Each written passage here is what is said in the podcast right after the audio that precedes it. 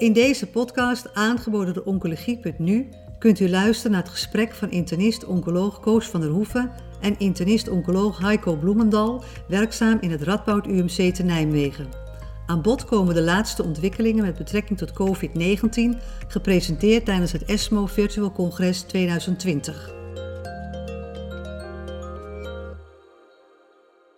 ESMO 2020 Madrid, een virtueel congres, veroorzaakt doordat we geconfronteerd zijn met COVID. Maar er waren toch hele interessante onderwerpen te bespreken en COVID stond ook nadrukkelijk op het programma. Uh, er was een, een, presentatie van dokter Fauci. Iedereen die kent hem denk ik wel, omdat hij nog wel eens achter uh, Trump staat uh, als hij een persconferentie geeft. Maar dokter Fauci die gaf aan dat hij niet verwacht dat voor 2021 het vaccin er is. Ik ga over de, de um, onderwerpen die wat betreft um, COVID aan de orde zijn geweest met ESMO praten met professor Heiko Bloemendal.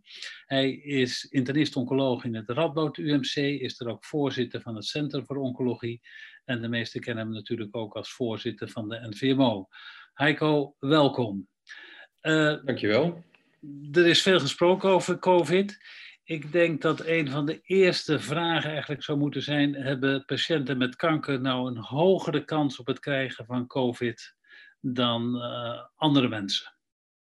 Ik denk dat het uh, korte antwoord ja is. Ik denk dat um, het ook belangrijk is om vast te stellen dat alle presentaties aangaven dat natuurlijk de dataverzameling nog maar kort is en dat er zeker nog verdere goede analyses moeten plaatsvinden voordat we nu al definitieve uitspraken doen over um, hoeveel meer risico mensen lopen. Maar um, zeker uh, hebben mensen met kanker uh, een hogere kans op het krijgen van COVID. we hebben het over leeftijd, roken, comorbiditeit. slechte performance status en of de kanker progressief is of niet in grote uh, studies zie je duidelijk dat kankerpatiënten een hoger risico hebben. Maar als je daar dan weer meer op in gaat zoomen, dan zie je toch wel dat er verschil is tussen mensen die al langer geleden de diagnose hebben en niet meer in een actief behandeltraject zitten, versus de mensen die op dit moment actief behandeld worden of op uh, dit moment ook progressie van ziekte hebben. En daar zit wel een duidelijk verschil in, waarbij de laatste groep een duidelijk uh, grotere kans krijgt op en ook daarmee een grotere kans op sterfte. Oké. Ehm, er was ook een presentatie van Doroshow, heette die geloof ik, in New York. Die had gekeken naar het aantal patiënten in twee ziekenhuizen die gedurende een aantal maanden nou uh, kanker gekregen, of die uh, COVID gekregen hadden. Dus alle kankerpatiënten. En volgens mij kwam dat op 5,4 procent. Het waren allemaal outpatient, dus polyklinische patiënten, en 5,4 procent. Vond je dat hoog of vond je dat...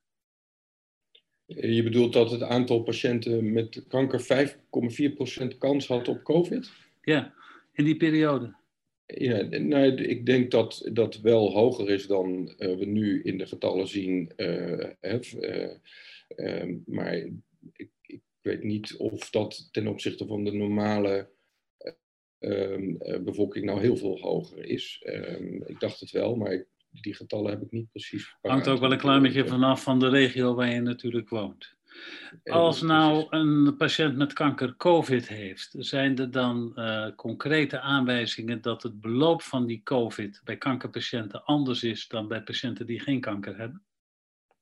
Ja, is eigenlijk al een beetje wat ik net ook zei. Het hangt uh, um, een beetje van um, uh, hoe oud de patiënt is. Uh, wat ook blijkt is dat we naar ras goed moeten kijken. de, de zwarte bevolking heeft een hele duidelijk ander beloop dan de witte bevolking. En de mensen uit Mexico in Amerika hebben ook een ander beloop. Dus ik denk dat dat goed is om um, je te realiseren. Um, en nogmaals, comorbiditeit en slechte performance status is natuurlijk uh, uh, heel uh, belangrijk. En het type kanker moeten we ook goed naar kijken. Daar zit ook wel differentiatie in. Longkanker en hematologische kankers hebben echt duidelijk een, een, een slechtere prognose. Um, en naar therapie die je tijdens je kankerbehandeling dan krijgt, daar zit ook nog wel verschil in.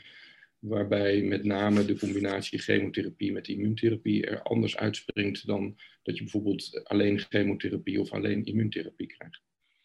Daarvan was de uitkomst, dat als die mensen COVID kregen, was de uitkomst slechter. Ja, precies. Ja. Het aantal mensen dat aan de ziekte, aan de COVID, dan uiteindelijk overleed. Uh, er zijn, uh, er zijn uh, studies of er zijn rapportages waaruit zou blijken dat sinds COVID er minder diagnoses kanker gesteld worden. In ieder geval in Nederland. Was daar op, tijdens ESMO, werd er ook nog over gerapporteerd? Er werd wel in algemene zin op gerapporteerd. Ik denk dat we niet zo uitgebreid um, de rapportage hebben gezien zoals wij die kennen van de IKNL en de PALGA-data. Is in Nederland natuurlijk heel duidelijk uh, aangetoond dat we gewoon een aantal kankerpatiënten missen en ook nog wel blijven missen, hoewel er voor sommige typen wel duidelijk een inhaalslag gaande is, maar we zijn nog steeds in Nederland zo'n 25 of 5000 eh, patiënten kwijt, zeg maar. Waarbij uh, de diagnoses in de periode maart-mei echt achterbleven tot wel 25 tot 50 procent. En de laatste maanden wel weer op vergelijkbaar niveau zitten, maar we hebben het niet ingehaald. Dus dat betekent nog steeds ja, dat we uh, patiënten missen. En dat is in de wereld denk ik ook zo. Maar ik heb daar niet de harde data gezien zoals ik die van uh, ehm, IKNL-data ken. Nee. En was er misschien iets te melden over als die patiënten dan later komen? Komen ze dan met een hoger stadium of is dat tot nu toe alleen speculatie en zijn er geen harde getallen over? Nou, ik heb geen harde getallen gezien. We hebben ook in Nederland daar nog, durven we geen uitspraak over te doen. Ik denk dat dat uh, onderzoek moet zijn waar je echt pas over een jaar of later uh, goede uitspraken over kunt doen. Ik denk dat als je nu daar de, de uitspraken over zou doen, dat dat, eerder, dat, dat wel een te hoog speculatief gehalte heeft. En ik denk dat dat niet verstandig is. Nee. Is de behandelstrategie van patiënten door COVID gewijzigd? Daarmee bedoel ik te zeggen, wordt er meer neoadjuvante therapie gegeven, wordt chirurgie uitgesteld. Dus de sequentie van behandelingen wordt er, wordt er eerder gekozen voor targeted therapie dan voor immuuntherapie. Kan je daar iets over zeggen? Ja, nou, ik denk dat de, de, de data die, die wij gezien hebben eh, wel overeenkomt met dat wat er in Nederland um, ook ten tijde van het, uitbreken van de crisis is gedaan. Dat er waar kon uitgesteld is. We zijn denk ik relatief conservatief geweest met z'n allen. Um, daar waar we nu zien dat de therapie wel gewoon gegeven is, blijkt ook dat eh, ehm, over het algemeen de therapie niet meteen tot slechtere uitkomst leidt, maar zoals net ook al gezegd, de combinatie chemotherapie en immuuntherapie wel. Dus, dus je moet heel goed bedenken welke patiënt heb ik voor me en, en, en uh, wat uh, voor risico neem ik dan. Maar in, in zijn algemeenheid denk ik dat we iets te conservatief zijn geweest en dat we bij een volgende golf uh, of toenemend aantal COVID-patiënten, dat we toch wat meer de patiënten gewoon moeten behandelen zoals we dat anders ook zouden doen. Ja, want zijn er nou bij het congres objectieve redenen naar voren gebracht waarom je uh, tijdens COVID, uh, dus de patiënt heeft geen COVID, maar tijdens COVID mhm. chemotherapie of immuuntherapie of een operatie zou moeten uitstellen? Nee. Eigenlijk niet. Nee, eigenlijk, eigenlijk niet. En eh, behalve dan die combinatie die ik net noemde, dat, daar, daar zie je wel dat er duidelijk meer complicaties optreden. Ja. Uh, een van de dingen die ook duidelijk aan de orde kwam en waarover gerapporteerd werd, is dat ook de zorgverleners eh, heel veel last van stress gehad hebben. Kan je daar nog iets over zeggen? Ja, ik denk dat dat wel um, zorgwekkend is. Um, grote uh, studie, groot cohort, wereldwijd met, met vele zorgverleners uit Amerika, uit Europa, waar toch wel in ieder geval blijkt dat veel mensen uh, uh, stress hebben ondervonden. Ook veel mensen hun werk anders zijn gaan be benaderen. Ook wel blijkt dat mensen uh, ja, wel positief daarover zijn, over de bijdrage die zij kunnen leveren. Maar dat ehm, we echt aandacht moeten hebben voor um, de, de, de, stress die op het moment is. Dus tijdens de crisis moet je de mensen goed begeleiden en ook Nu zit er, naast dat het burn-out gehalte omhoog is gegaan, zitten er ook nog veel zorgverleners ja, die, die wel werken, maar, maar waar, de, waar onder de oppervlakte de stress nog wel zit. En dat daar wel zorg is dat als er een tweede golf komt, dat, dat die sneller uit zullen vallen um, met de ellende die we dan opnieuw zouden zien in de ziekenhuizen. De, de, het lastige van dat soort onderzoek is wel, het is een groot onderzoek, er zijn twee surveys gedaan in de tijd, dus zeg maar op tijdstip van de crisis en dan een aantal maanden daarna het, het lastige is wel dat in de ene service, uh, survey niet altijd dezelfde personen zaten dan in de tweede sur, uh, survey. Dus je kon niet in de tijd zien of mensen uiteindelijk minder stress kregen of herstellen van de stress. Um, uh, en, en, daar heb je dus wel heel veel meer onderzoek voor nodig.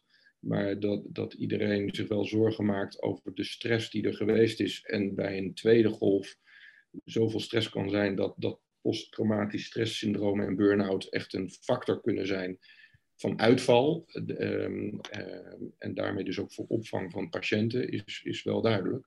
Um, dus, dus daar moet wel verder onderzoek naar plaatsvinden voor de lange termijn effecten. Maar ja, mensen hebben er wel last van gehad. Uh, in Nederland is de manier waarop de patiënten uh, begeleid zijn vaak indringend veranderd. Er zijn heel veel meer teleconsulten gedaan dan voor die tijd. Patiënten zijn minder vaak in het ziekenhuis geweest. Is, was dat alleen in Nederland zo of is dat een tendens die ook in de andere landen zichtbaar was?